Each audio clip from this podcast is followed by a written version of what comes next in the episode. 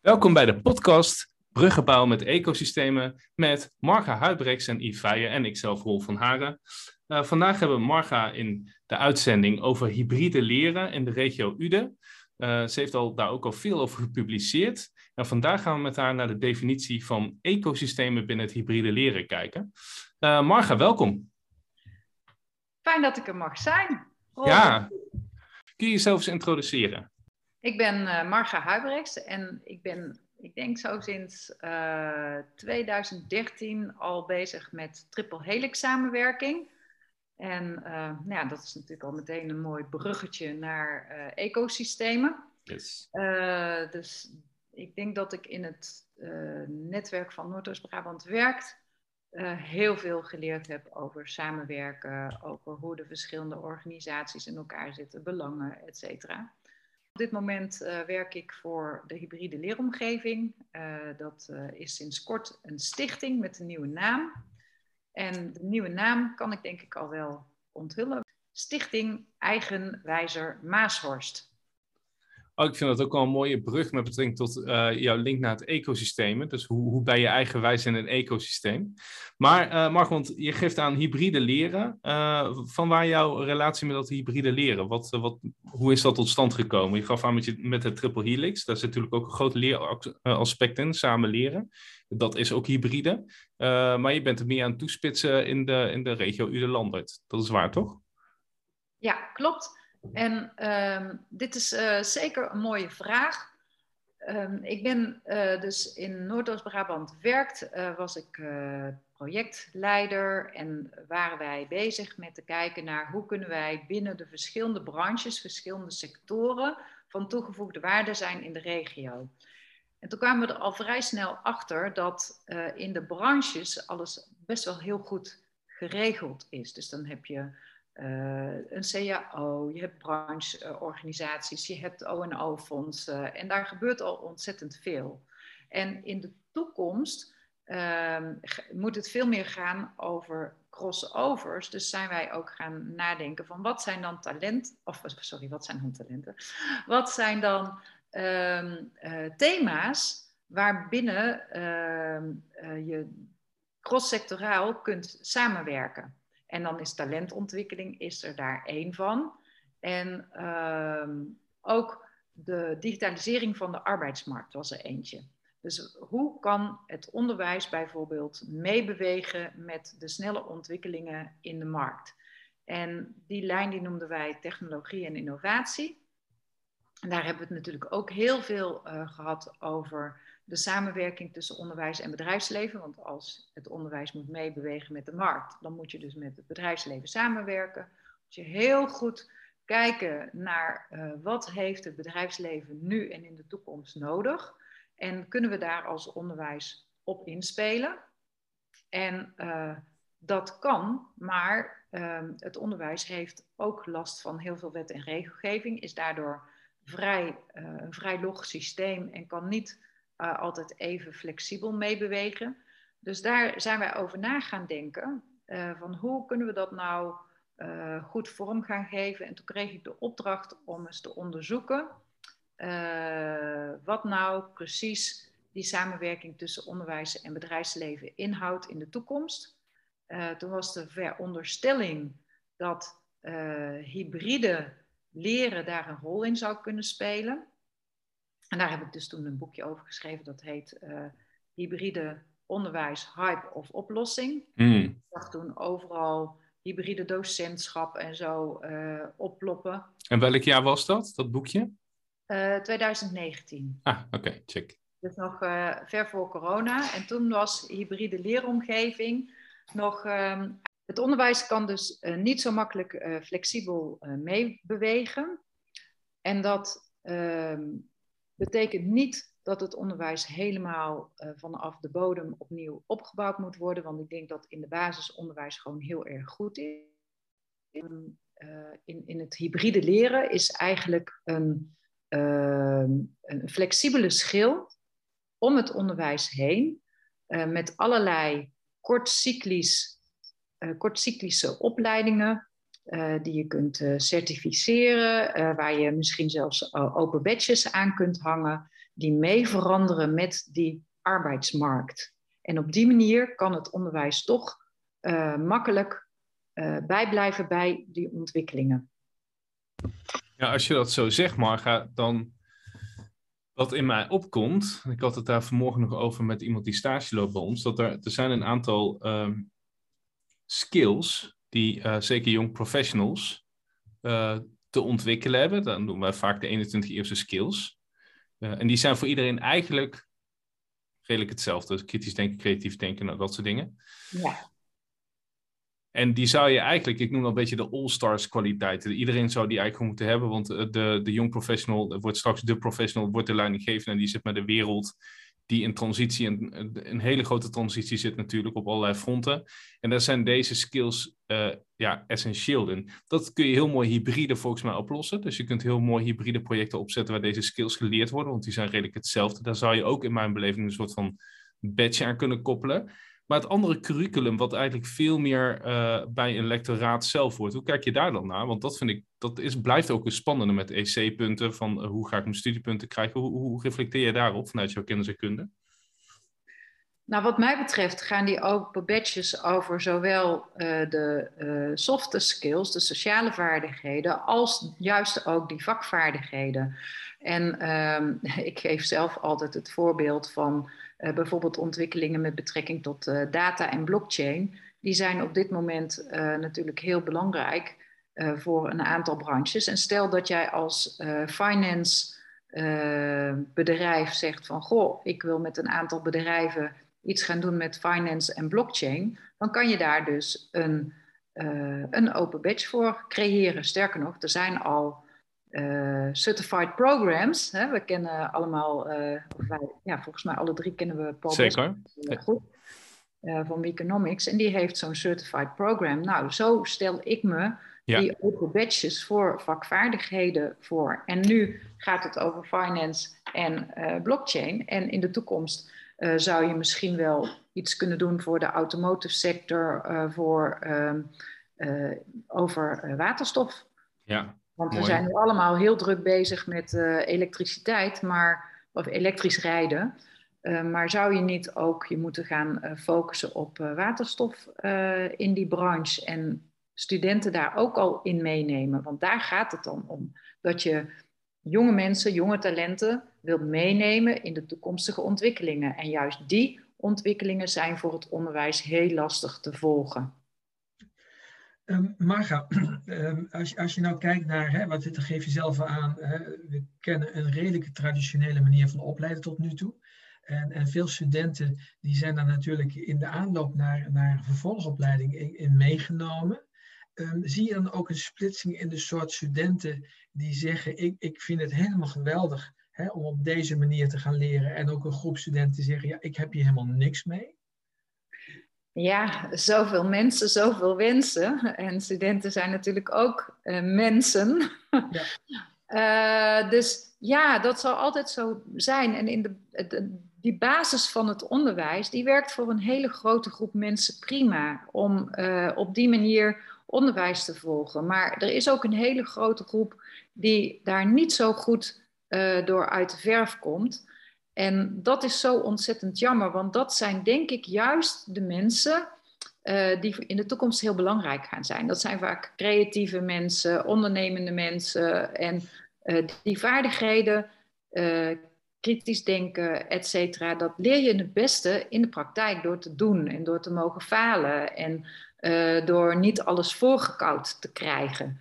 Dus um, wat mij betreft uh, mag er meer van dat soort onderwijs naast het reguliere onderwijs gegeven worden. En misschien kun je daar wel een soort van splitsing in maken. Je ziet ook al uh, onderwijsinstellingen die veel meer projectmatig gaan werken. En dan heb je een stuk wat je toch echt gewoon op de traditionele manier aanlevert van dit moet je gewoon weten en leren en daar valt verder weinig mee te doen. Maar je gaat ook uh, aan de gang met projecten waar je misschien wel helemaal aan je lot wordt overgelaten van jongens, dit is je opdracht en ga maar aan de gang. En, en zeg je daarmee eigenlijk dat op termijn waarschijnlijk de reguliere opleidingsinstituten zich meer in de richting gaan bewegen zoals jij die nu de weg hebt ingeschoten? Je ziet al opleidingsinstituten die zo al veel meer werken. Dus dan is het het beste van twee werelden. Dat is trouwens ook hybride. Hè? dat is juist de vertaling van het uh, woord hybride. Uh, dus uh, ik denk dat dat in de toekomst nog veel meer gaat gebeuren. En als ik het zou vragen, en dat doe ik natuurlijk regelmatig aan bedrijven, dan zeggen die ja, graag. Want dat soort mensen hebben wij nodig. Die ehm, zelf na kunnen denken, initiatief kunnen nemen, verantwoordelijkheid kunnen nemen, uh, creatief meedenken, die niet in paniek raken als het niet voorgekoud is. Ja. Het is mooi, uh, Marga, wat je daar zegt. Uh, ook weer in lijn met het gesprek wat ik vanmorgen had met mijn stagiaire, die nu aan het uitzoeken is hoe het relatiecontract en het inhoudscontract tussen student en werkveldpartner van bijvoorbeeld is, hoe dat kan verbeterd worden, maar ook van Avans. En dan gaat het heel erg over hoe ga je zorgen dat de cultuur van een bedrijf aansluit bij de cultuur van een uh, student. Dus hoe zorg je ervoor dat er een match is dat, uh, dat, dat, dat in dat relatiecontact, dat daar al een fijn gevoel is, een veiligheid. In dit geval deze stagiair, die vindt het heerlijk om bij een start-up te werken, omdat ons van alles nog mogelijk is en er heel veel ruimte is en dat daar vrij informeel met elkaar om wordt gegaan kan me ook voorstellen dat er studenten zijn die het heel fijn vinden om wat meer in gestructureerde omgeving te zitten. Uh, en hoe kijk jij daar tegenaan als het gaat over uh, studenten ook bewust laten worden waar ze wel lekker in passen of niet lekker in passen? En het kan ook zijn dat uh, als jij een cultuur vindt die misschien niet zo lekker bij je aansluit, dat het ook een kans is tot groei. Dus hoe kijk ja. jij daarnaar? Ja, je geeft eigenlijk al antwoord op de vraag. Sorry. nee, vraag nee, vooral jouw definitie. Nee, maar mijn, mijn definitie die sluit daar uh, zeker uh, bij aan. Hè? Dus enerzijds geloof ik erin dat uh, verschillende mensen verschillende dingen nodig hebben en kun je daar rekening mee houden. Maar soms moet je ook uit je comfortzone stappen om te kunnen groeien. En daar moeten we een, met z'n allen, denk ik, een, een goede mix in vinden. Ja, ja, en wat, wat dan bij me opkomt is sowieso termen als relatiecontract, inhoudscontract of uh, modellen van de wereld. Dus het begrijpen van hoe kijk ik naar de wereld en hoe geef ik daar betekenis aan? En uh, hoe ziet een werkveldpartner, uh, de, een, MKB-bedrijf of een corporate, de wereld en hoe geef een betekenis aan? En daar kan een match of een mismatch zitten. En die mismatch hoeft niet per se te betekenen dat je dus niet bij die organisatie kunt werken het geeft wel een kans om samen een verbindende dialoog te hebben. Alleen wat ik neig te zien op die scholen is van ja, daar, daar wordt nog relatief weinig aandacht aan besteed. Van hoe je verantwoordelijkheid kunt nemen van je eigen overtuiging bijvoorbeeld. Of hoe je verantwoordelijkheid kunt nemen van je eigen interne communicatie. Uh, en niet zozeer dat je dat dan aan moet passen, maar in ieder geval dat je het begrip moet hebben dat, dat er dus verschillende percepties zijn. Uh, zou dat ook iets kunnen zijn wat in zo'n batch systeem uh, zou passen? Dat je zegt van nou, als, als mensen bepaalde, ik noem dat toch een beetje ook 21 eerste skills, reflectiemethode. Uh, hoe kijk je daarnaar, naar dat meer echt dat soft, ja, interpersoonlijke deel? Ik vind dat ontzettend belangrijk. Dus een van de eerste badges die ik uh, nu wil gaan uitgeven, is een uh, eigenwijzer badge. En die badge die is bedoeld voor de studenten. En daar wil ik juist inzoomen op hun uh, kwaliteiten met betrekking tot uh, de soft skills. En um, daar zit een, een, een, filosofie van mij achter dat uh, je eerst eigenlijk jezelf heel goed moet kennen voordat je ehm, optimaal tot groei kunt komen. En dat jezelf leren kennen, dat is een proces wat je hele leven, denk ik, ja. doorgaat. Maar hoe vroeger we daarmee beginnen, hoe beter het is. En um, ja, ik denk dat we in de toekomst uh, veel meer met assessments uh, en zo ook moeten uh, gaan werken.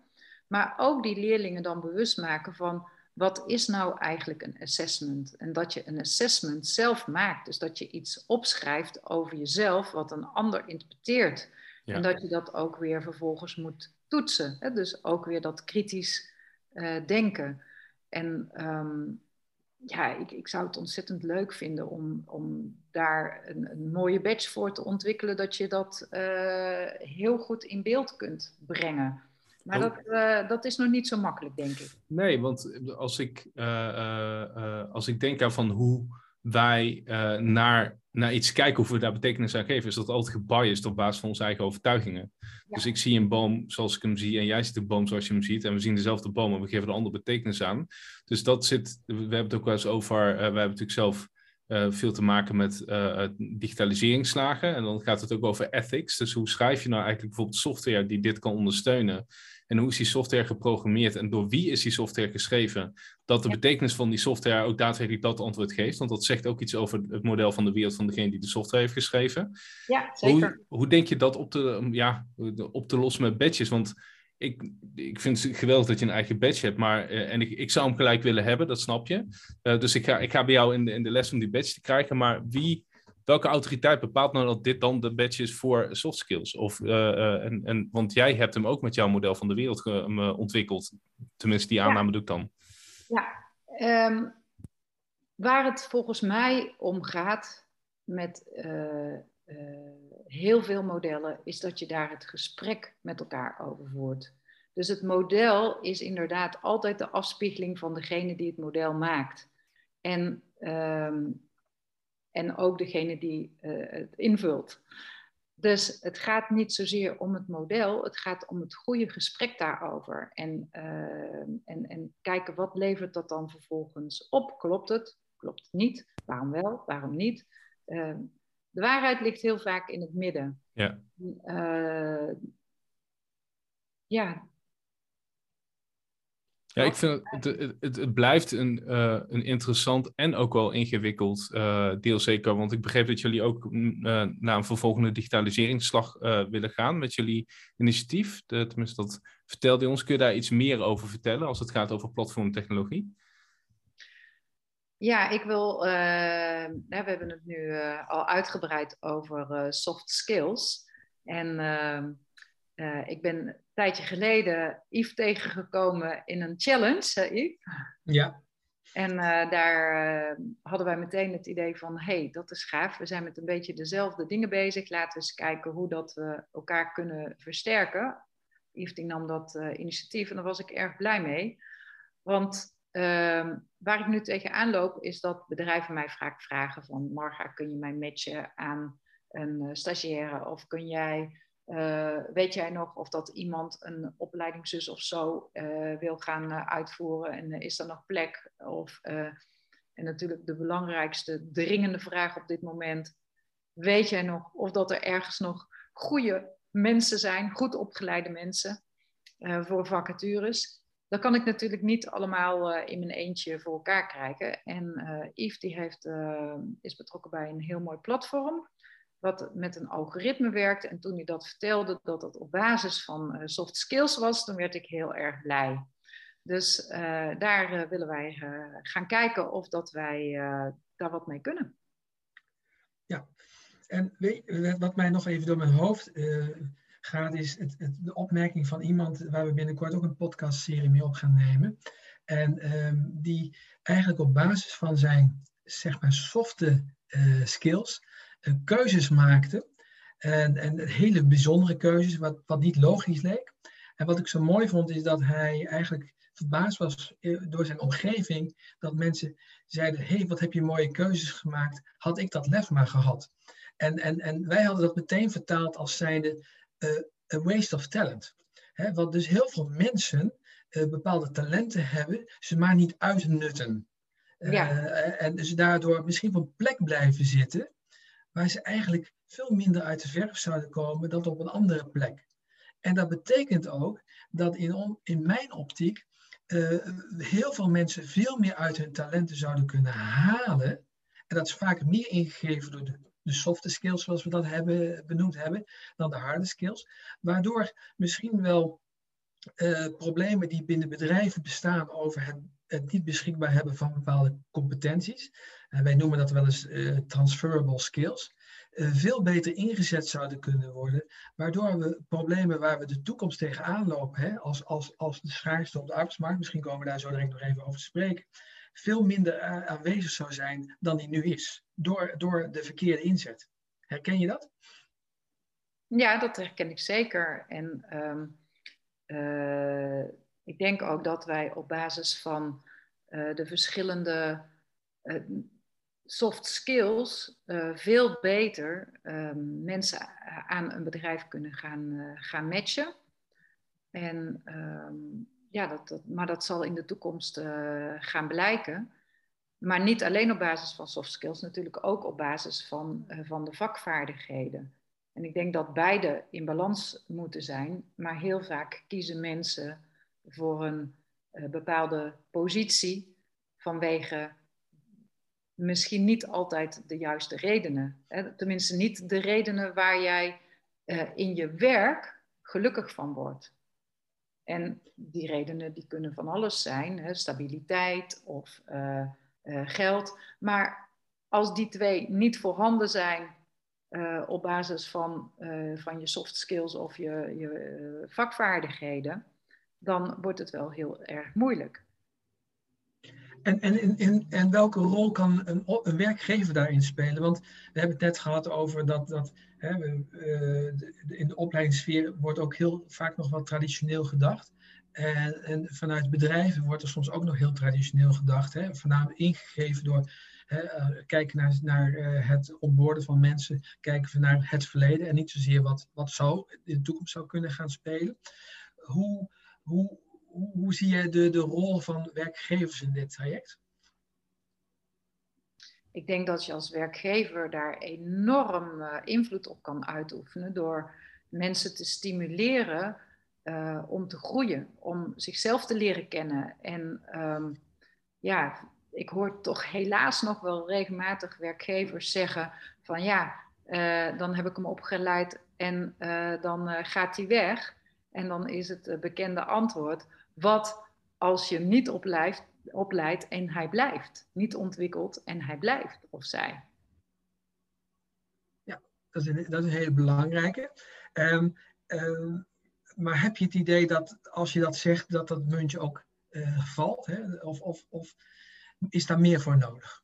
Dat valt niet naar één opmerking. Nee, dat, uh, die uh, illusie die heb ik niet. Nee. Dus um, de leercultuur in een bedrijf uh, verbeteren, uh, dat is een van de ambities van, uh, van de hybride leeromgeving of eigenwijze Maashorst.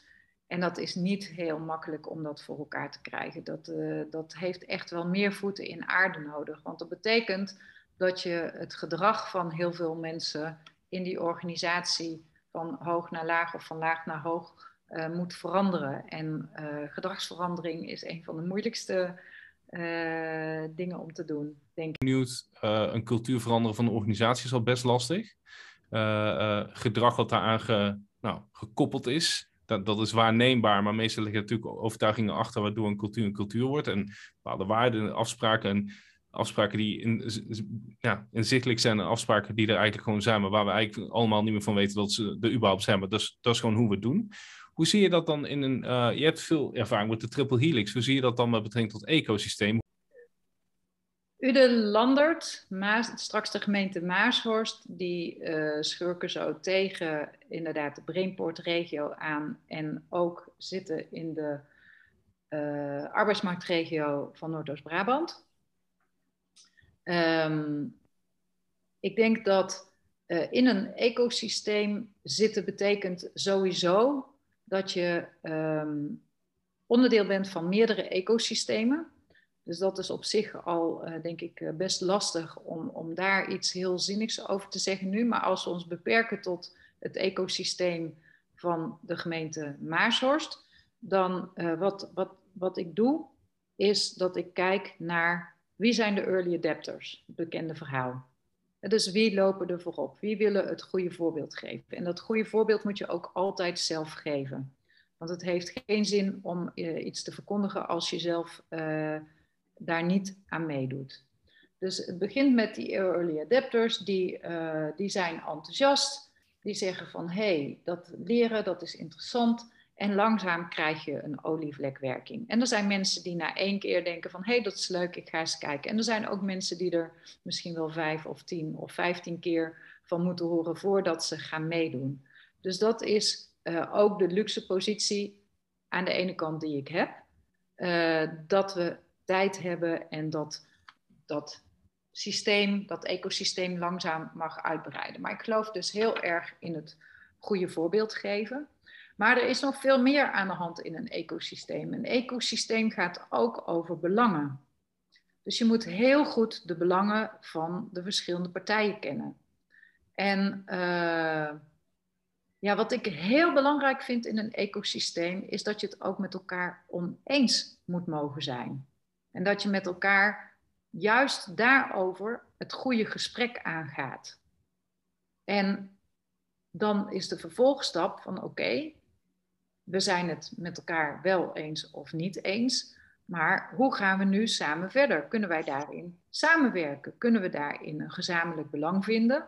En als dat niet is, dan is het denk ik heel belangrijk om inzichtelijk te maken uh, hoe kun je dan naast elkaar bestaan zonder dat je elkaar uh, voor de voeten loopt uh, of ja, misschien toch wel af en toe juist toch iets samen kunt doen. Ja, want er zit altijd wel ergens een overlap waarin je samen iets kunt betekenen. Maar, als dat, maar ik denk dat het belangrijk is om inzichtelijk te maken dat je juist verschillende belangen hebt en waar uh, je toch elkaar een beetje raakt. En dat is het beginpunt van waaruit je kunt vertrekken. En dat is ook gedragsverandering natuurlijk, want ja. de eerste uh, reactie is vaak van, uh, oh nee, wil ik niks mee te maken hebben. Of ik heb daar geen tijd voor, of ik heb er geen zin in, of geen kennis voor, of whatever. Er zijn heel veel belemmeringen te bedenken, maar het is juist zo interessant om te kijken waar vinden we elkaar wel en laat dat dan het startpunt zijn van het bouwen aan een relatie en een ecosysteem. Ja, want als je uh, kijkt naar die 2,5% early adopters, die zitten ook overal, right? Dus die, die, herken je dat ook zo? Of is dat een speciale groep op dit moment nog, als het gaat over hybride uh, samenwerken, over in, die, in dat ecosysteem, dat triple helix model werken? Zijn dat specifieke innovatoren binnen het huidige spectrum? Of zitten die 2,5% early adopters overal al verspreid en is het gewoon een kwestie van ze bij elkaar brengen? Uh, ze zijn er al, maar ja, ja, en ook wel verspreid. Het zijn uh, bedrijven met name, hè, bij de bedrijven zijn het bedrijven die al uh, langere tijd bezig zijn met uh, leren en ontwikkelen en die het belang daarvan inzien en die ook daar al in investeren en ook zien dat dat wat oplevert. De bedrijven daaromheen, die zijn nog een beetje achterdochtig van ja, levert het inderdaad wel wat op? Of die denken van oh, ja, dat gaat me echt te veel tijd kosten en ik heb de tijd niet. dus die zullen overtuigd moeten worden dat ze ook met minder moeite wat meer terug gaan krijgen dan dat ze denken. Ja, en hoe herken jij zo'n early adapter dan qua persona? Uh, kun, je, kun je die dus herkennen aan gedrag of waar die is of uh, publicaties die hij of zij doet? Of loop je daar toevallig tegenaan? je voert gesprekken met verschillende partijen en dan gaan ze mee of ze gaan niet mee. Maar ik probeer ze aan te spreken op dat stukje waarin wij een gezamenlijk belang hebben. Ja. En de mensen die uh, al, al bezig zijn met deze materie, die, uh, die herkennen dat heel snel en zullen dus heel snel enthousiast zijn en zeggen, oh ja ik, uh, ik, ja, ik heb daar wel interesse in of ik wil dat graag doen. En dan is dus het begin van de samenwerking gemaakt. Maar het ecosysteem, dat is op individueel niveau, maar het ecosysteem gaat veel meer over de verschillende belangen. En dat je dat begrijpt en dat je dat inzichtelijk maakt. En dat je het gesprek daarover faciliteert. Wat, wat eh, bij het horen van jouw verhaal doet me dan denken aan, een ecosysteem dat heet Riverboard. Dat, uh, dat ligt onder de, de rook van, uh, van Rotterdam. en um, daar is, wat je daar ziet, is dat de, de ondernemersverenigingen hun armen ineen geslagen hebben, omdat zij ervaren dat, dat de regio Rotterdam een hele aantrekkende werking heeft op, op uh, toekomstig personeel. Dus waardoor zij, wat, wat best een interessante, heb je een omgeving heb je dan over, dat een interessante uh, omgeving is om te werken. Maar de, de, de regio Rotterdam heeft zo'n aantrekkende werking dat heel veel goed talent bij, uit de omgeving van Vlaardingen weggaat naar, in dit geval, naar Rotterdam. Ja. En dat heeft hun verbonden om met elkaar te gaan praten over een ecosysteem. Hè. Dus we hadden een gemeenschappelijk item, thema, waar ze op konden voorborduren. En daarbij speelde ook een belangrijke rol dat de ondernemersvereniging al eigenlijk een, een best wel goede positie had gekregen. dat er al veel contacten waren tussen de ondernemers, vanuit verschillende perspectieven, vanuit verschillende branches, in, die, in het kader van die cross-border benadering. En dat het een hele belangrijke uh, heel belangrijk fundament is geweest om, om, om, om die samenwerking te zoeken. En ik, als ik dat vertaal naar, uh, naar Maashorst, zou ik me kunnen voorstellen dat, dat met in de wetenschap dat je een brainport in je omgeving hebt, dat dat ook een hele aantrekkende werking zou hebben, wat goed talent uit jullie omgeving wegtrekt.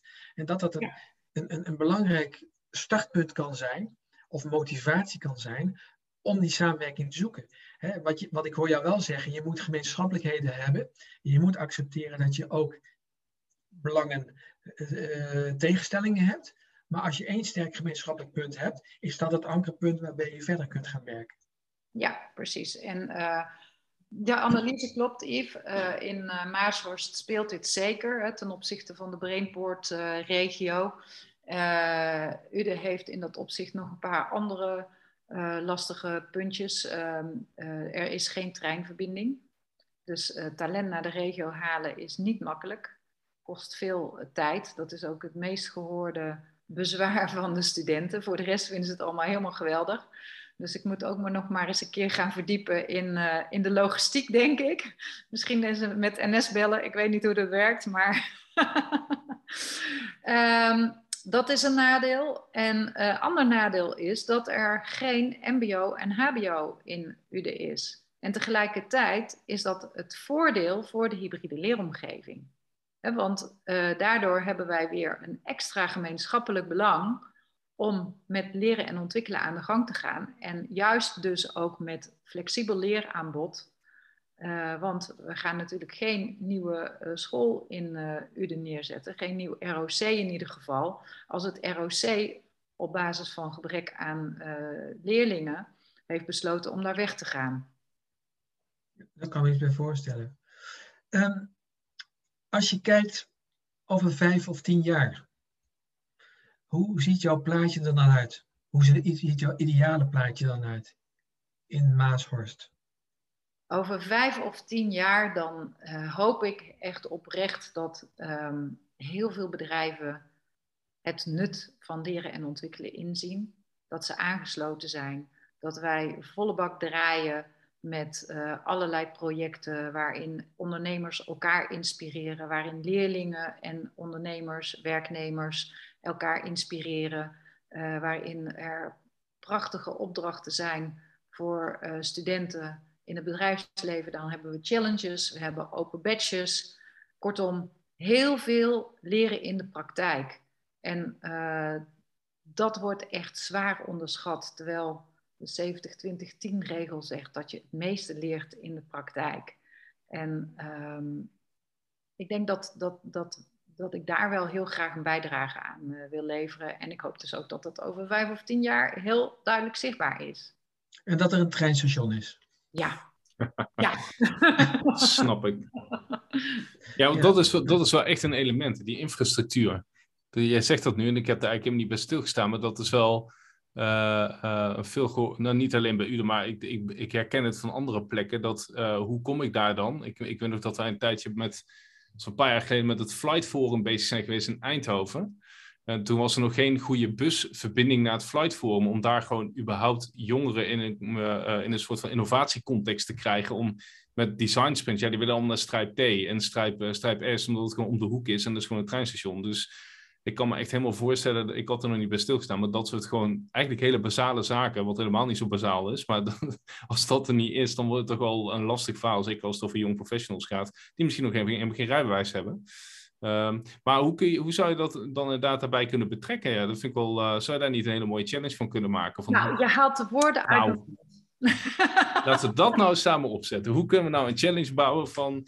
En zou je dat niet kunnen virtualiseren bijvoorbeeld een deel? Dus uh, zou je niet een aantal zaken gewoon uh, een soort van UDE-hub kunnen maken... Uh, waar je virtuele challenges aanbiedt. En als je dan echt praktisch aan de slag moet, dat je dan echt op locatie bent. Maar dat je misschien andere dingen gewoon veel meer online doet. Maar wel onder het kopje UDE, weet je wel. Dus Het is interessant ook hoe technologie daarin bij kan dragen om misschien die infrastructuurproblemen ook wel weer een andere twist te geven. Ja, we hebben natuurlijk in coronatijd heel veel geleerd. En die studenten die hier nu rondlopen, we hadden in het voorjaar 22 studenten van uh, Hogeschool Zuid. Nu lopen er uh, 11 studenten van Avans Breda HRM uh, rond. en dan hebben we nog een slordige 26 studenten van bedrijfskunde van de Han. En ehm, heel veel dingen doen we gewoon digitaal. En af en toe komen ze naar het handelshuis in Uden. Hartstikke leuk. Daar hebben we heerlijk kom pokeballs. Nice. Ook een leuke no lokker.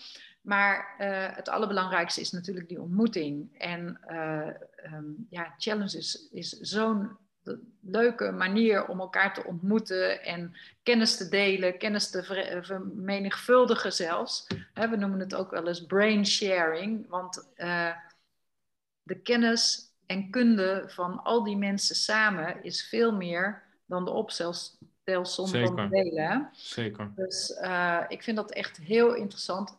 Plus dat het ook nog eens ontzettend leuk is om te doen. Ja. Ja, want is het dus ook echt een argument wat je hoort van, uh, ja, dat geeft ja, dus dat het, dat het argument is dat de bereikbaarheid met trein relatief uh, moeilijk te, te, doen is. Uh, en hoe verhoudt zich dat dan tot dat virtualiseren, virtualiseren? Dus dat je dingen veel online doet. Want dat, dat zou dus daar ook wel een oplossing voor moeten zijn, toch? Of niet? Dat je daarmee een virtueel ecosysteem kunt vormen en dat dat niet eens meer locatiegebonden is. Ja, maar nogmaals, dat is zeker een deeloplossing, maar uh, ik, ik, geef er dus wel bij aan dat de ontmoeting ja. ook belangrijk is. Ja, snap ik. Ja. Dus de, de, de energie in zo'n groep en de rollen en patronen, dat is toch uh, heel erg lastig om dat uh, virtueel te doen. Ja, Marga, geweldig. Wat, wat een inzicht. En ik, ik, ben, uh, uh, ik ben met dat badges, dat laat mij ook weer nadenken van hey, hoe tof zou het zijn om ook een eigen badge te ontwikkelen voor bijvoorbeeld innovatie, denken en doen. En hoe zou je dat kunnen vastleggen? Dus daarover uh, ga ik graag een keer met jou nog eens een kopje koffie drinken, want volgens mij liggen er hele mooie kansen. Wat, wat neem jij nou eens mee uit dit gesprek? Uh, uh, als je zo reflecteert op dit afgelopen, nou, toch wel weer drie kwartier met elkaar te hebben gesproken, waar, waar kom jij dan zo op uit? Wat zijn inzichten die je op hebt gedaan? Ja, ik um, heb me nog helemaal niet zo bezig gehouden de afgelopen tijd met dat uh, vervoersprobleem. En ik zei net gekscherend, ik zal eens NS gaan bellen. Um, maar ik denk dat ik toch nog maar eens serieus even ga rondvragen hoe mogelijk of onmogelijk is het. Want ja. dat heb ik nooit gevraagd. Ik ben ervan uitgegaan namelijk, dit is zo'n mooi inzicht, eh, dat je er dus gewoon van uitgaat dat er geen station is en er ook geen station komt. Maar ik heb nooit de vraag gesteld. Nee. Dus vragen stellen. Vragen, vragen, vragen. Geen aannames doen. Dat is denk ik echt uh, het allerbelangrijkste inzicht. En ook ik trap daar uh, regelmatig in. Terwijl dat een van mijn vier uh, wijsheden. Nooit aannames doen. Ehm, maar goed, ehm, wat neem ik nog meer mee? Ja, dat het weer ontzettend inspirerend en interessant was om met jullie te spreken. Um, we gaan volgens mij uh, dan ook nog maar eens samen met de open badges aan de slag. Zeker, leuk. En ik ben heel benieuwd, Yves, hoe ons platform eruit gaat zien. We hebben nu twee studenten, twee vierdejaars studenten van de HAN bedrijfskunde, die zijn een implementatieplan aan het schrijven. Dat is ook wel een dingetje om dat even los te laten. Hmm. Ja, dat is ook een ecosysteem. Maar aan de andere kant ook wel weer ontzettend leuk. Want uh, ja, die studenten komen met hele leuke ideeën waar je zelf niet aan gedacht had.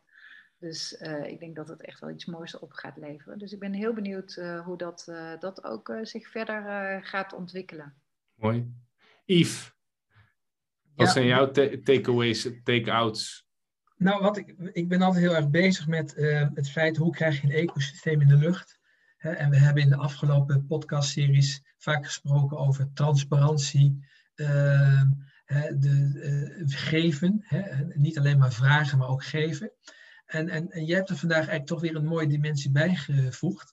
En dat is namelijk agree to disagree. En um, die vind ik wel heel mooi, want eigenlijk is, wordt dat heel vaak gezien als een barrière. Maar het is juist volgens mij de, de, de, de angel eruit halen. want als je dat doet, dan uh, open je de ruimte weer om verder te praten over waar, waar kun je elkaar dan wel vinden. en ik herken natuurlijk heel erg vaak van de, de eerste reacties van daar heb ik geen tijd voor of uh, ik, ik wil, ik, ga ik met mensen kwijtraken. Je gaf net een mooi voorbeeld hè, van uh, als je ze niet opleidt dan, dan raak je ze toch kwijt. En, en ik denk als je, als je dat uitgangspunt doet, oké, hier zijn we niet over eens, maar daar ligt er nog een heel groot speelveld waar we wel overeenstemming over kunnen krijgen. Dat ik dat een hele mooie extra dimensie vind om tot een ecosysteem te komen die ook duurzaam is op termijn. Ja, dank je wel daarvoor. Nou, graag gedaan. Jullie dank je wel. Ja. ja, ik sluit me echt volledig aan bij, uh, bij Yves. Die agree to disagree. Dus inderdaad, als ik het vanuit transactionele analyse bekijk, is het van jij bent oké, ik ben oké. En we hebben de neiging om uh, te denken, oh, maar die ander heeft een andere mening, dus hij of zij is niet oké. En daardoor komt er een soort van onbalans en dan heb je per definitie niet meer over een ecosysteem. Dus een hele goede morgen, dank je. Marga, en um, ik heb jou eigenlijk als eerste per ongeluk uh, jouw take-outs laten doen. Dus ik vraag je eigenlijk nog uh, voor een woord ter afsluiting, want dan past het weer helemaal in het concept. heb jij nog een paar mooie woorden ter afsluiting van deze podcast? Mogen falen. Marga, dankjewel. Ik wens je een fijne dag en uh, tot een snelle ontmoeting weer. Oké, okay, tot ziens.